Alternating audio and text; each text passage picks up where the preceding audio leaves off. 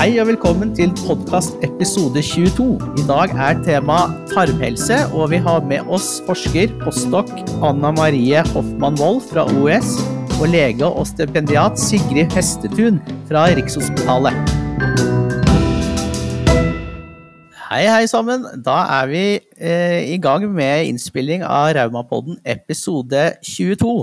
Og denne gangen her så er det et utrolig spennende tema, og vi har et eh, kvinnesterkt team med oss denne gangen. Vi er eh, totalt fire stykker. Vi har med oss eh, forsker og postdok Anna Marie Hoffmann Wold fra OUS, og lege og stipendiat eh, Sigrid Hestun fra Rikshospitalet, og selvfølgelig, som alltid, Anna Frikselius. Oh yes. Lettere forkjøla i dag, bare sånn for å liksom adde til covid-stemningen. Så jeg skal sitte og hoste og harke litt i bakgrunnen. Ja, det er derfor jeg eh, er vikar på innledningen. Men uh, vi må jo ha en liten presentasjon av våre eminente gjester. Så Sigrid, hvis du tar en liten Hvem er du, og hva gjør du? Tusen, tusen takk. Sigrid Hestetun heter jeg, 37 år gammel og kommer opprinnelig fra Bø i Telemark. Eh, nå bor og jobber jeg i Oslo blei ferdig spesialist i revmatologi nå i vår. Eh, og nå jobber jeg da som stipendiat på Rikshospitalet, der jeg tar en doktorgrad for å se på årsaker til barneleddgikt. Så det som er litt uh, kult, er jo at uh, du ser på årsaker til leddgikt, mens du, Anna Wold, du ser på faktorer som har kommet etter at man har fått leddgikt. Kan du si litt mer om deg selv? Jeg kan uh, si mye om meg selv, men jeg skal prøve å holde det kort. Så jeg er da Anna Hoffmann Wold. Jeg er uh, revmatolog og forsker uh, på Rikshospitalet. Jeg har vært her siden 2003 faktisk, og har drevet med forskning helt siden 2010. Og jeg har jo da i forskningen min fokusert aller mest på systemisk sklerose, og har nå de siste årene utvidet det til andre bindevevsykdommer, og spesielt da på spesielle organmanifestasjoner organmanifestasjoner, sånn som vi skal snakke om i dag, magetarmaffeksjon, mage-tarm-affeksjon, men også mye lunge, eh, fibrose, hjerteaffeksjon ved våre aromatiske sykdommer. Tusen takk. Det er jo da, som dere hørte, det temaet er eh, først og fremst eh, tarmhelse, men også andre faktorer som kan eh, påvirke eller eh, forårsake revmatisk sykdom. Også ja, altså, vi, blir... vi, har jo gravd så innmari mye i dette her med hva, historien, liksom. Hva, hvordan har, eh, hvordan har eh, revmatologien og behandling for revmatiske lidelser utviklet seg de siste 70 årene, har vi hatt eh, noen episoder om nå. Og så nå vil vi blikke litt framover. Hva er, hva er framtiden innen revmatologien? Og da, da, tenkte vi på dette her, vil det bli mulig å, å forutsi hvem som kommer til å utvikle um, revmatisk sykdom? ved, ved, hjelp av Er det noe innenfor forskningen dere kjenner til som kan hjelpe oss å, å, å forutse da, hvem som får disse sykdommene, sånn at det kanskje i framtiden kan forebygges? Vil, vil, vil, du starte med å kommentere det, Sigrid? Ja, eh, jeg kan si litt. Eh, I min studie så ønsker vi å se på årsaker til barneleddgikt. Og da bl.a. så skal vi bruke datamateriale fra den norske mor-far-barn-undersøkelsen, som er en, en, av verdens største helseundersøkelser som ble utført, eller er, er, utføres i Norge. Der 110 000 barn ble inkludert i svangerskap. Så har man også inkludert mødre og fedre. Eh, det som er spesielt med mor-far-barn-undersøkelsen, er at man har mulighet til å kartlegge genmaterialet til, eh, til deltakerne. Og da man, har man mulighet til å studere også samspill mellom gener og miljø. Eh, I hvert fall når det gjelder barneleddgikt, så har man aldri gjort dette før. Men man har en sånn studie under planlegging hos oss da, på revmatologisk seksjon. Ja. Og hvis man da klarer å identifisere gener eh, som gir økt risiko for barneleddgikt, så kan man også identifisere Eh, barn som er i økt risiko for å utvikle sykdom. Veldig spennende. Har dere kommet fram til noen eh, konkrete forskningsspørsmål? Ja, altså I min, studie, min, min del av denne studien så, så, er tanken at vi skal se på miljøfaktorer som årsak til barneleddgikt. Så eh, tanken er å se på om antibiotika til mor eh, i svangerskap og antibiotika gitt til barnet i tidlig barndom medfører økt risiko for barneleddgikt. Eh, dette henger jo også tett sammen med det å gi antibiotika henger også tett sammen med infeksjoner. Så jeg ønsker også å se på dette med infeksjoner i tidlig barndom, og om det gir økt risiko for barneleddgikt. Herlighet, så sykt spennende. Så det å kunne finne en årsak, det er jo helt revolusjonerende. Eh, vi må komme tilbake til den eh, studien, men eh, eh, Anna Wold, har du eh, skal vi ikke bare kalle på... henne doktor Anna, foreslår jeg her nå. Doktor da, Anna, ja.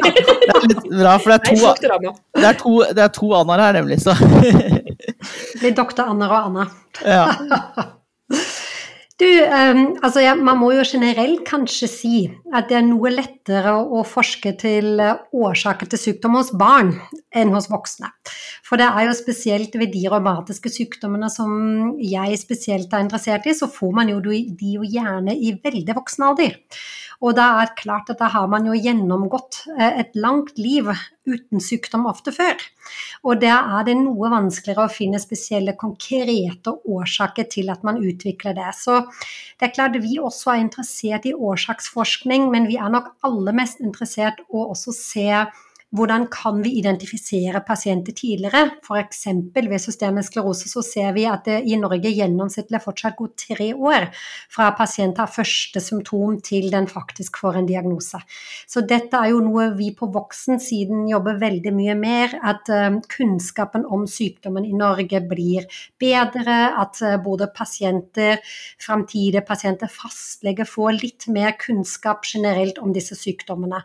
Og så er det jo det med spesielle organmanifestasjoner, at man da kan se litt på hvilken pasient vil utvikle hvilken organmanifestasjon, og hvilken pasient eh, vil man kunne forebygge spesielle organmanifestasjoner eller forverring av spesielle organmanifestasjoner. Så jeg vil si at dette er litt mer det vi driver med, enn virkelig årsaks, uh, årsaksforskning uh, til selve de voksne revmatiske sykdommene. Men også da, vi, vi, må jo grave i forskningsprosjektet du har holdt på med de siste årene. hvert fall, Det går jo rykter om dette prosjektet i revmatikerkretser. Eh, og Øyvind Midtvedt var eh, og holdt foredrag på bindvevseminaret vi hadde for noen år siden om tarmbakterier og revmatisk sykdom. Og det er vel det mest sette av de foredragene vi noensinne har lagt ut på YouTube, tror jeg. For det er kjempestor interesse rundt dette. Folk har jo lest om eh, sjarmen med tarmen og diverse, og man, man forstår at eh, ja, mikrobiota inneholder kanskje nøkkelen til immunforsvaret, og, og gudene vet hva annet. Også det, det, kan bli sånn kjempestort, og så blir det kjempelite. Men, men dere har rett og slett forsket på dette med, med transplantasjon av tarmbakterier, ikke sant? Eh, yes. Fra friske mennesker til syke mennesker. Fortell om det prosjektet. Du Anna, takk. Og det er jo også for oss et utrolig spennende prosjekt. Og hele den reisen er jo interessant. Og det at du også nevner Øyvind Midtvedt er jo veldig spennende. fordi man må jo si at Øyvind har vært sin tid forut.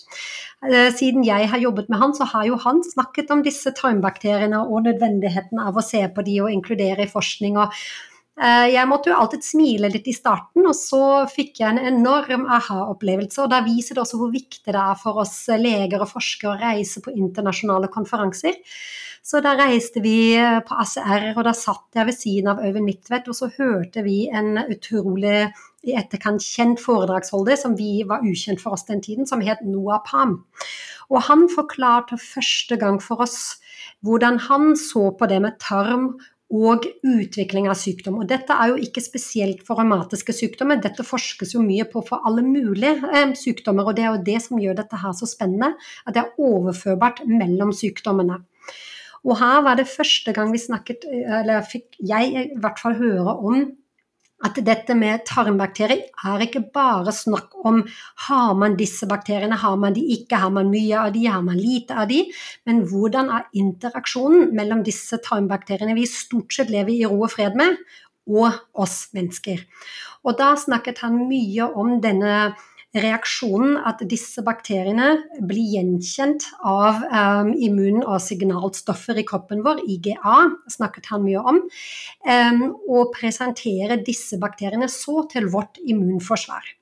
Og dette ble jo den utrolig spennende tanke at um, hvis vi da har det slik at spesielle bakterier kan utløse spesielle reaksjoner i vår kropp, kan vi da, hvis vi tilsetter spesielle bakterier, også gjøre at kroppen reagerer på en positiv måte på bakterier. Og sånn kom hele tanken opp det som du nevnte da, med tarmbakterietransplantasjon. Og så må man jo også si det er ikke noe nytt. Altså det med tarmbakterietransplantasjon har jo blitt gjort lenge. Og spesielt ved eh, oppvekst av veldig patogene bakterier, så har man jo drevet med det lenge med sånn clostridium difficile eh, diaré, som da oftest utløst av for mye antibiotikabruk. Men da har man jo før gitt avføring Eh, gjerne fra pårørende til pasienter. Og dette er jo alltid sånn at man er redd. Hva overfører man faktisk med avføring? Det er jo veldig mye menneskelige stoffer, dette kan være virus, dette kan være noe i covid-tider, så kunne det til og med være covid som man overfører. Så derfor er vi jo på en måte basert oss veldig på, som du allerede så fint sa, med å overføre tarmbakterier og ikke avføring. Så hele vår studie går jo da på at vi har kultivert eh, avføring til tarmbakterier, som eh, Akim, en egen bedrift, driver med. Og disse tarmbakteriene, som er helt skyldt og fri for menneskelige vev og virus og antibiotikaresistente bakterier, de gir vi nå til pasienter med systemisk sklerose i en randomisert klinisk studie.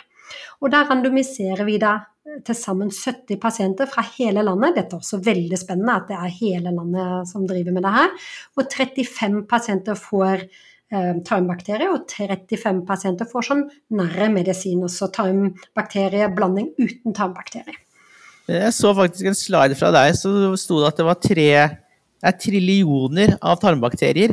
Er overføres alle, eller klarer man å finne på en måte de som er avgjørende, og overføre akkurat de? Du, her er du din eller vår tid forut. For det er jo akkurat det som må være målet i framtiden. ikke sant? At man i framtiden finner noen bakterier som er mer assosiert med en spesiell sykdom eller mer assosiert med et spesielt symptom, og at man så kan utveksle disse bakteriene. Per i dag så har vi altfor lite kunnskap. Altså Dette her er jo både for pasienter Det forundrer meg ikke at det er det mest sette video på YouTube, for det er jo også for oss forskere et vanvittig spennende felt. Men det er mye kunnskapsfull, så derfor gjør vi for tiden bare at alle får en standardløsning med standardbakterier. Sigrid, i studien din også så eh, skal dere se på eh, tarmhelse og antibiotika, jeg har hørt. Kan du si litt mer om eh, hva det er som er så spennende med akkurat tarmhelse og antibiotika.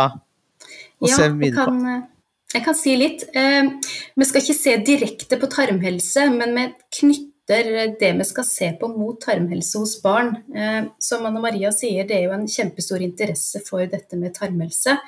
Også innenfor eh, forskning på barneleddgikt. Man har jo ikke kunnet bekrefte at endringer i tarmflora eller forstyrrelser der gir barneleddgikt, men man har sett i studier at de som har barneleddgikt, har en endra tarmflora sammenlignet med friske.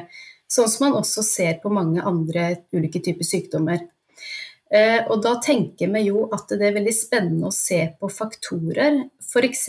antibiotikabruk, som vi vet medfører endringer i tarmfloraen, og se om det også gir økt risiko for barneleddgikt.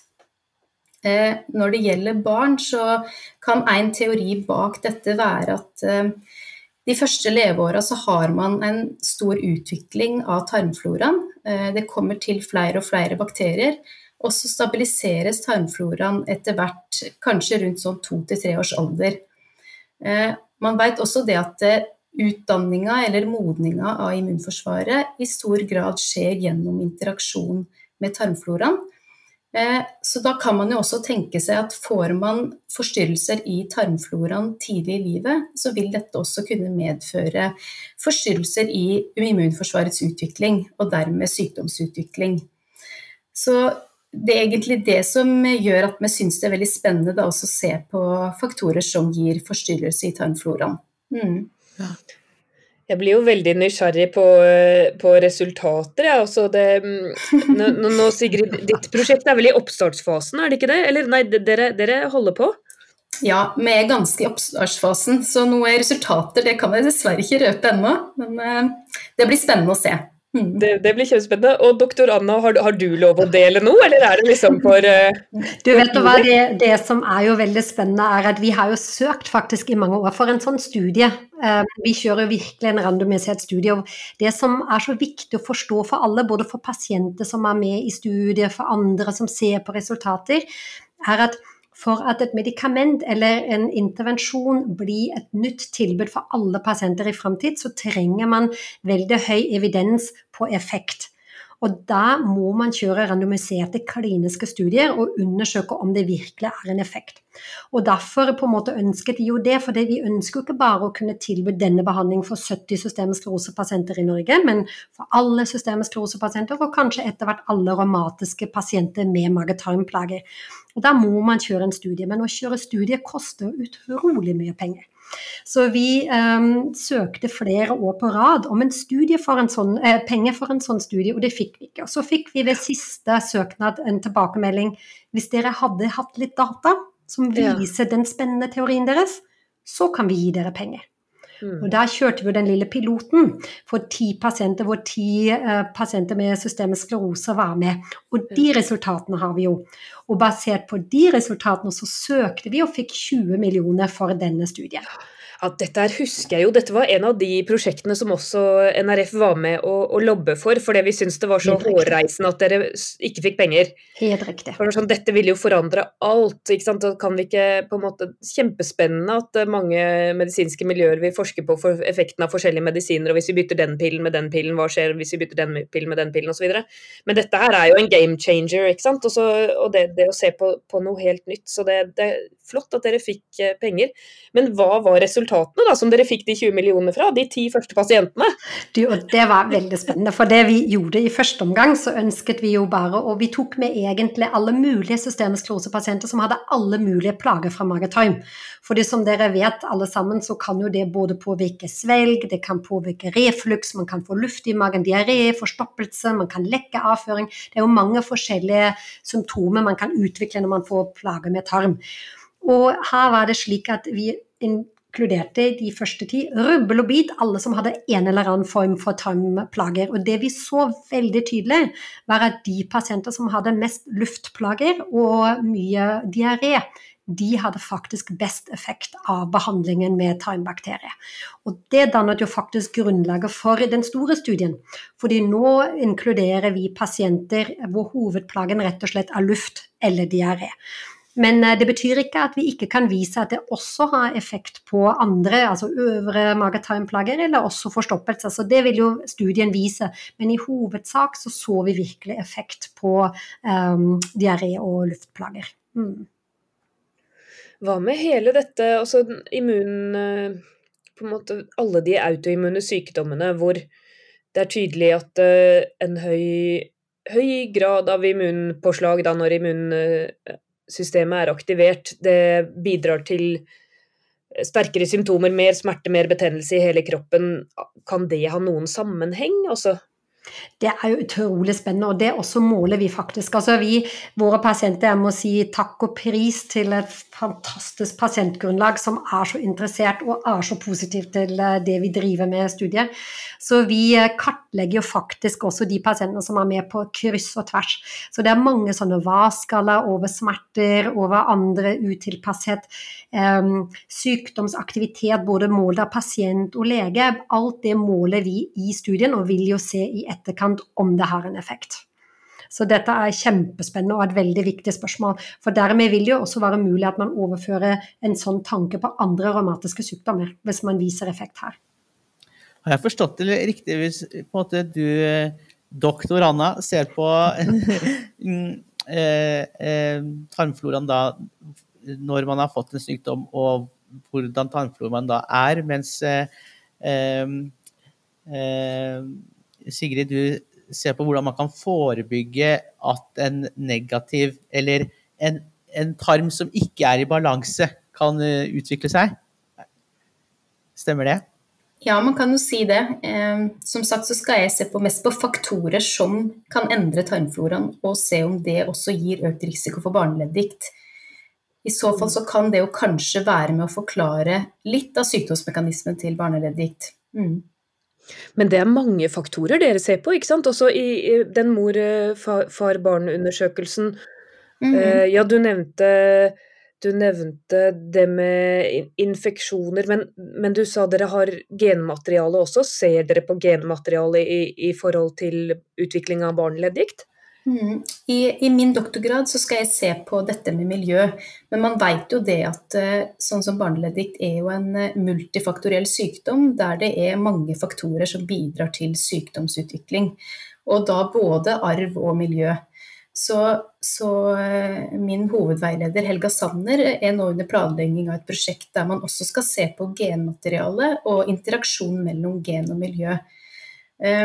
Og i denne mor-far-barn-undersøkelsen så er det et enormt datamateriale og veldig mange muligheter for ulike ting man kan se på. Så vi har ikke helt bestemt akkurat uh, hva vi skal se på ennå. Men, men det er mange, mange muligheter. Mm.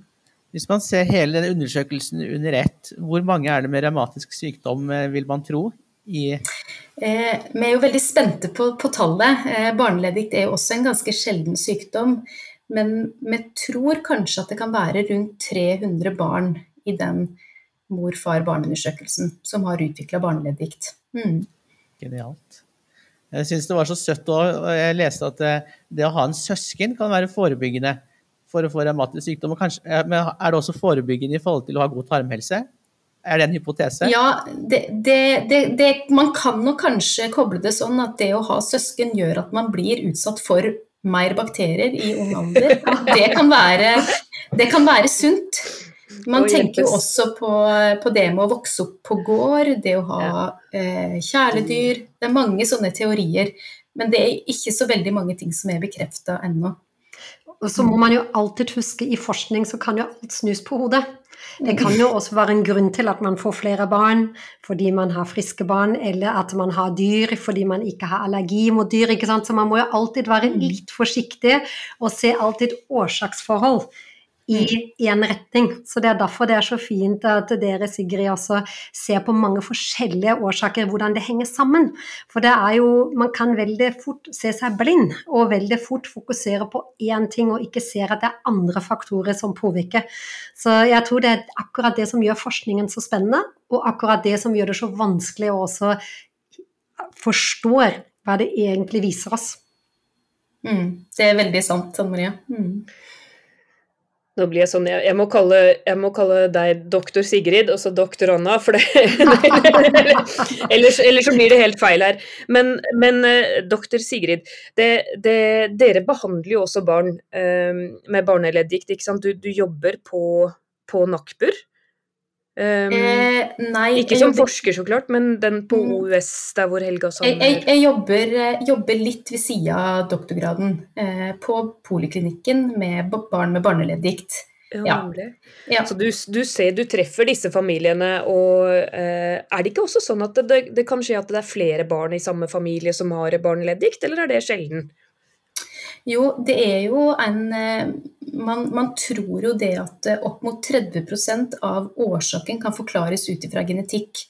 Så har man et søsken med barneleddikt, så er det en økt risiko for at eh, andre søsken også utvikler barneleddikt. Mm. Ja, men så er det da å finne da de andre 70 da. Og hvor mye av dette er, er tarmen, og hvor mye kan man på en måte forebygge at man får en dårlig mm. eh, tarmflora, og, og ja. hvordan kan man reversere det? Du var jo litt inne på det, doktor Anna, men er, finnes det noe eh, jeg kan gjøre for å måte, forebygge en dårligere eh, tarmhelse? Det er jo et utrolig viktig og godt spørsmål. og Det er klart at det som er viktig å huske, at den som påvirker sin egen tarmflora mest, det er en sjøl. Og det finnes jo f.eks. studier som viser at hvis man endrer kosthold, hvis man f.eks. legger om til vegetarkosthold eller begynner å bli kjøtteter, eller altså en hvilken som helst endring man gjør i kosthold, så påvirker man sin flora i løpet av 24 timer. Mm. Så man har jo en enorm påvirkning på sin egen tarmhelse. Og det er både det med um, idrett, det er det med ferier, det er det med kosthold. Altså det er mange måter som vi selv kan påvirke vår kosthold. Det som er dessverre ikke bevist, er jo hvilken diett f.eks. er den beste. Ikke sant? Så um, Elisabeth Folkmann, det er en god kollega av meg fra USA, som jeg har gjort en del av den forskningen jeg har gjort på mikrobiota sammen med. Og hun presenterte i fjor på ACR, altså vår store amerikanske rømmekonferanse, at de hadde undersøkt om f.eks. FoodMap-dietten kunne påvirke mikrobiota, eh, og også påvirke pasientens plage målt med objektive mål. Det gjorde det faktisk ikke i denne studien. Så da hadde det ingen direkte innflytelse eh, på selve Eh, forbedring av tarmbakteriesammensetningen. Så det hadde vært utrolig fint å kunne si da, hvis man spiser mye av det, lite av det, denne sammensetningen, det er den perfekte for å få den perfekte mikrobiotasammensetningen. Men da er vi ikke per i dag. Men helt generelt er det jo som alt i livet, med hvis man lever ganske sunt, ernærer seg sunt, har et uh, balansert kosthold, beveger seg. Man trenger ikke å være stor idrettsstjerne, men i hvert fall være i bevegelse. Så vil det påvirke tarmbakteriene på en positiv måte. Absolutt. Og er det ikke da så koblingen til, til prosjektet til Sigrid, det, det, når man bruker antibiotika, så slår det ut mm. veldig mye eh, av tarmfloraen, er det ikke sånn? Jo. Jo, det har man jo sett, og jeg tenker man skal jo være veldig forsiktig med å trekke eh, bombastiske konklusjoner. Men eh, si at vi finner nå en sammenheng mellom antibiotika og økt risiko for barneleddgikt, så kan i hvert fall de resultatene være med å underbygge det at man må prøve å redusere antibiotikabruken. Det er jo noe man eh, jobber veldig for av veldig mange andre grunner også, da. Men mm. Og f.eks. i den store studien vår, vi kaller den jo Rescue, den tarmbakterietransplantasjonsstudien, da er jo det også et eksklusjonskriterium at pasienter ofte eller regelmessig bruker antibiotika. For akkurat av den grunn som du sier, Anna, og mm. også Sigurd, at vi påvirker jo veldig sterkt våre tarmbakterier med å bruke antibiotika. Og dermed vil jo også en effekt av en tarmbakterietransplantasjon selvfølgelig påvirke sterkt. Um, men av og til trenger man jo antibiotika, og da må mm. man jo ta antibiotika. Så det er jo det igjen den balansen av å ikke gi antibiotika for fort, selvfølgelig, men selvfølgelig gi det til de pasientene som virkelig trenger det, som har en infeksjon som må behandles, en bakteriell infeksjon. Mm. Mm. Når vi snakker om mikrobiome, er det ikke det det, det kalles? Altså liksom summen av alle de bakteriene i tarmen.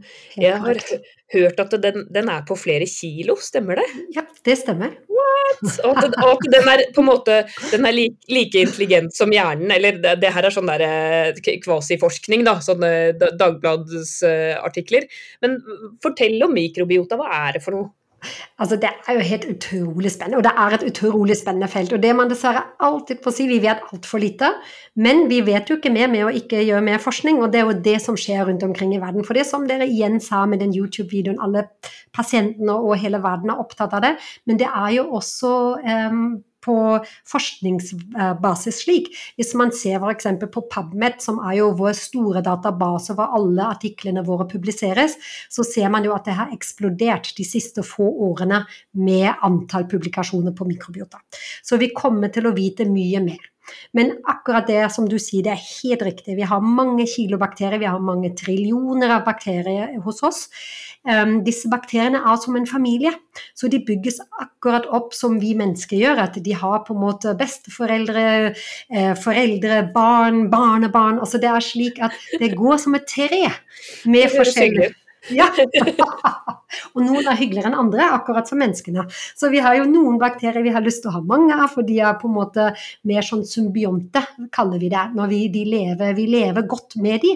Og så har vi noen som er helt klart patogene. Disse er de bakteriene som vi alle har hørt om når vi reiser eh, til andre land og får E. coli eller shigella eller alle disse bakteriene vi har hørt om. De er helt klart patogene. Og så har vi noe imellom.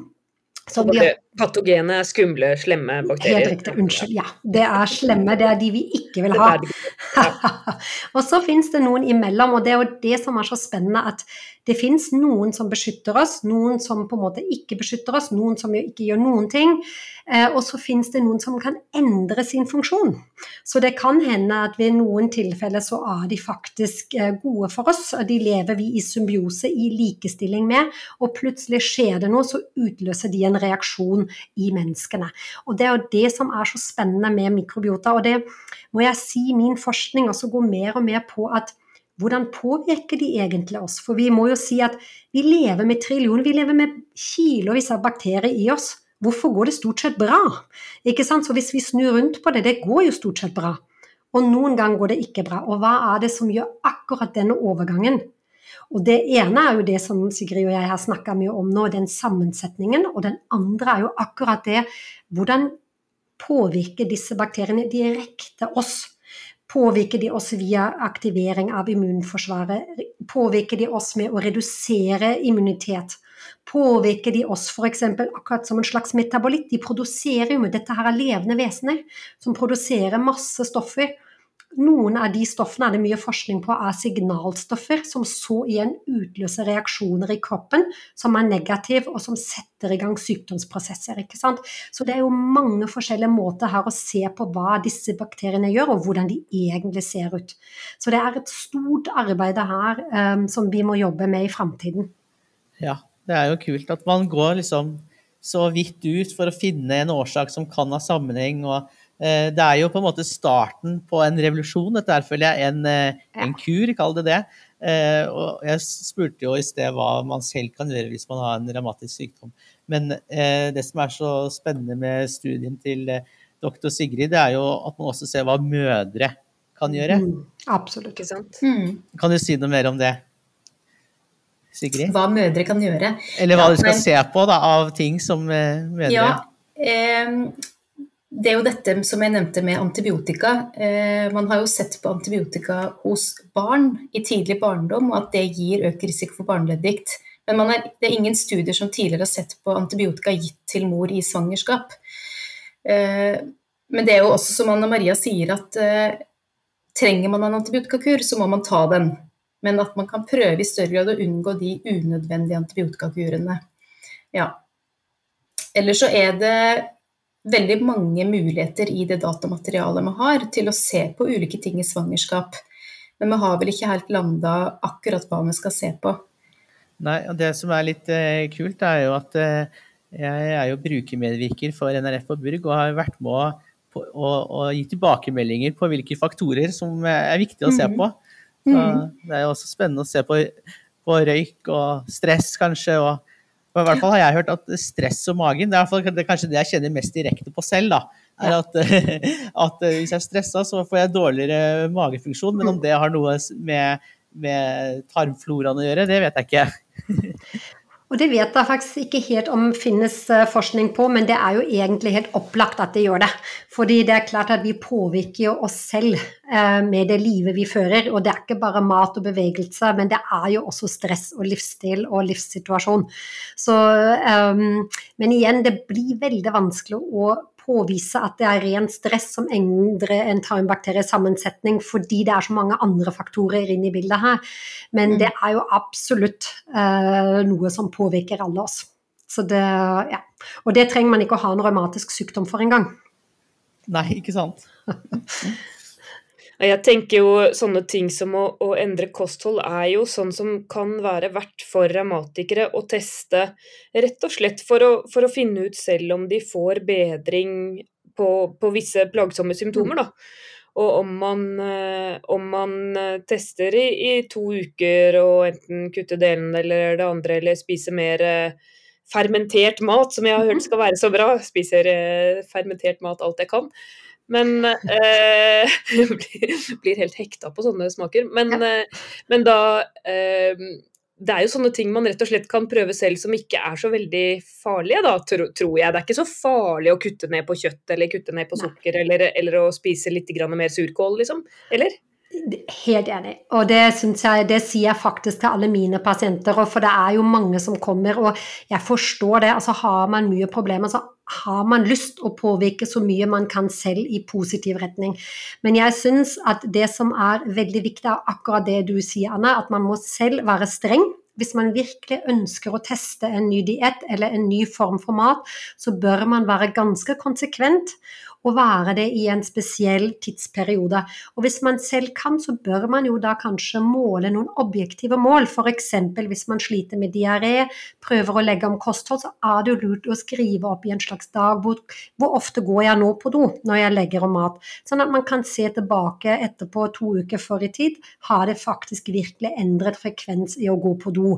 Og så selvfølgelig hvordan føler jeg meg. Og så er jeg akkurat som du sier, Anna, veldig opptatt av at man gjør det i en tidsperiode perioder så gjør man det opp. Eh, og akkurat å legge om kosthold er jo ikke så dyrt, men det er jo mange som også ønsker da å prøve å bruke liksom næringstilsetningsstoffer som kan jo veldig fort bli veldig dyrt.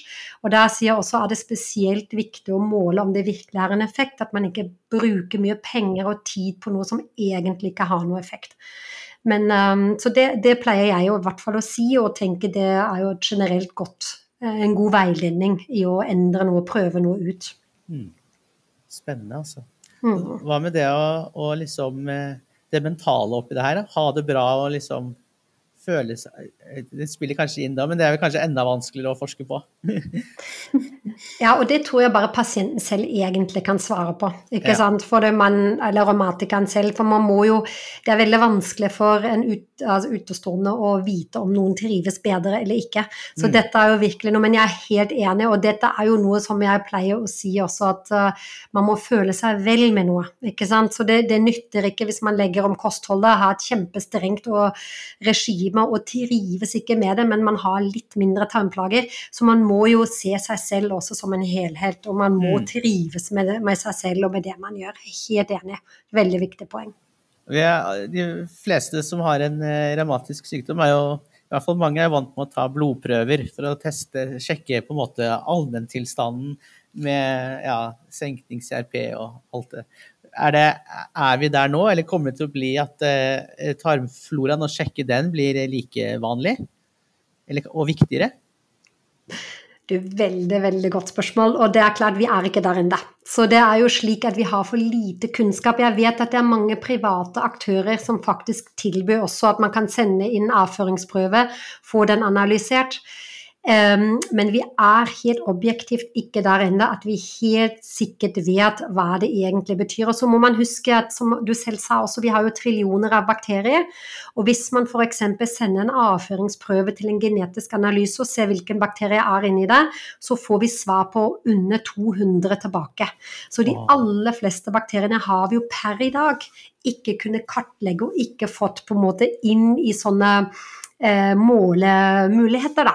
Så eh, jeg håper inderlig at vi kommer dit en gang, og kanskje blir det enda mer mulig med å måle metabolitter. Ikke sant at man vet at de signalstoffene som en, et bakterie produserer, at man kan måle de i blod eller i urin. Det tror jeg vil nok være et step før man virkelig kan sende inn en hel prøve og få tilbake en slags analyse og hva det betyr og hvordan man kan endre det. Men dette har jo vært, hadde vært veldig, veldig kult hvis vi kommer oss dit i framtiden. Det er veldig spennende. Mm.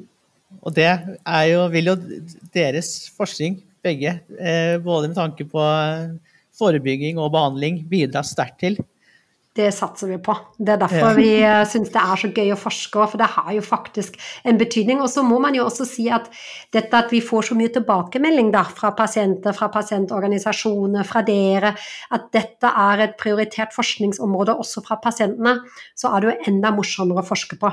Altså det er jo mye gøyere å drive med noe som man vet folk setter pris på.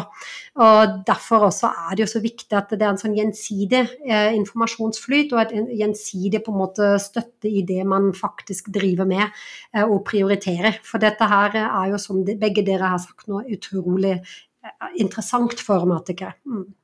Vi i NRF vi håper jo virkelig at det skal eh, forskes mer på årsaker og forebygging. Ja. Eh, ikke minst. Ikke sant? Mm. Og det at man, man, går inn i ja, hvorfor får disse barna leddgikt mm. og disse ikke, og, og, hva kan vi gjøre eh, ja, F.eks. Mm. med tarmflora, men også hvilken rolle har genene og sånn. Nei, jeg har mm. eh, stor tro på framtida, jeg, Joakim. Mm. Kanskje, kanskje om, om, en generasjon eller så, så barna trenger ikke få leddgikt, jeg vet ikke. Hæ? Nei, det hadde jo vært eh, helt eh, gull. Eh, jeg tenker på doktor eh, Sigrid, hva eh, tenker du at din studie kan ha betydning for forebygging og behandling i fremtiden?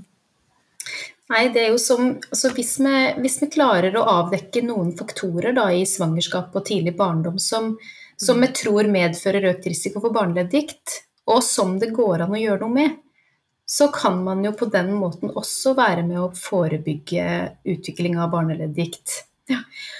Og så kan man jo håpe på at dette også kan være en liten brikke for å kunne forstå litt mer av sykdomsmekanisme, og på den måten være med på at kunnskapen kan være med på videreutvikling og optimalisering av behandling av de som allerede har fått eh, leddgikt som barn. Mm. Ja, det er uh, veldig spennende. Jeg har hatt uh, leddgikt uh, Eh, halve livet mitt nå, siden jeg var 15 år. Og det har skjedd utrolig mye, og det virker som det kommer til å skje eh, veldig mye også mm. i, i fremtiden. Så det må man jo generelt si innen aromatiske verden, at vi har jo hatt for et, eh, et skift både i behandling og oppfølging og sånn vi har hatt. Det må jo være et av de mest for leger og forskere med et spennende felt, og for pasientene det hvor det har skjedd aller mest. Eh, de siste ti årene. Altså, det må man jo helt klart si. Det er jo sånn sett en utrolig spennende reise å ha vært med på, både for pasienter og leger, tror jeg. Og da anbefaler jeg faktisk eh, at dere hører på vår forrige episode, som mm -hmm. var et intervju med, med doktor eh, Tore Kvien, som, ah, eh, ja. som, fortalte akkurat om denne historien og hvordan det har vært som eh, ung revmatolog som kom inn på 70-tallet. Mm. Å se og være med på den reisen der. Så den, den episoden av Rema på den anbefaler jeg. Den skal jeg høre på, og det tror jeg blir veldig inspirerende. Yes, tusen takk for eh, flott, eh, spennende podkast. Eh, hvis vi skal oppsummere denne episoden med tre ord, Eh, hvis vi begynner med deg, doktor Anna. Hvis vi tar ett ord hver, da. Doktor Anna. Fire ord blir det da. oh, kanskje kan Anna begynne? Ok. Jeg begynner med forebygging. Jeg, jeg hopper inn ja, med, med, med eh, sunt eh, kosthold. Uh, bedring av helse. Tarmflora, får jeg så si. Takk skal du ha. vi alt sammen til en lang setning. Ja. Så setter vi det sammen, så blir det pitchen for episoden. Yes. yes. Ha det godt. Tusen takk. Ha det. Ha det. Ha det godt. Takk for at du hørte på dagens episode av Raumapodden. I dag var tema tarmhelse, men ikke bare tarmhelse. Det var forebygging, kosthold, kur kanskje i fremtiden. Veldig spennende. Og lyden var som vanlig fikset av Podmaster.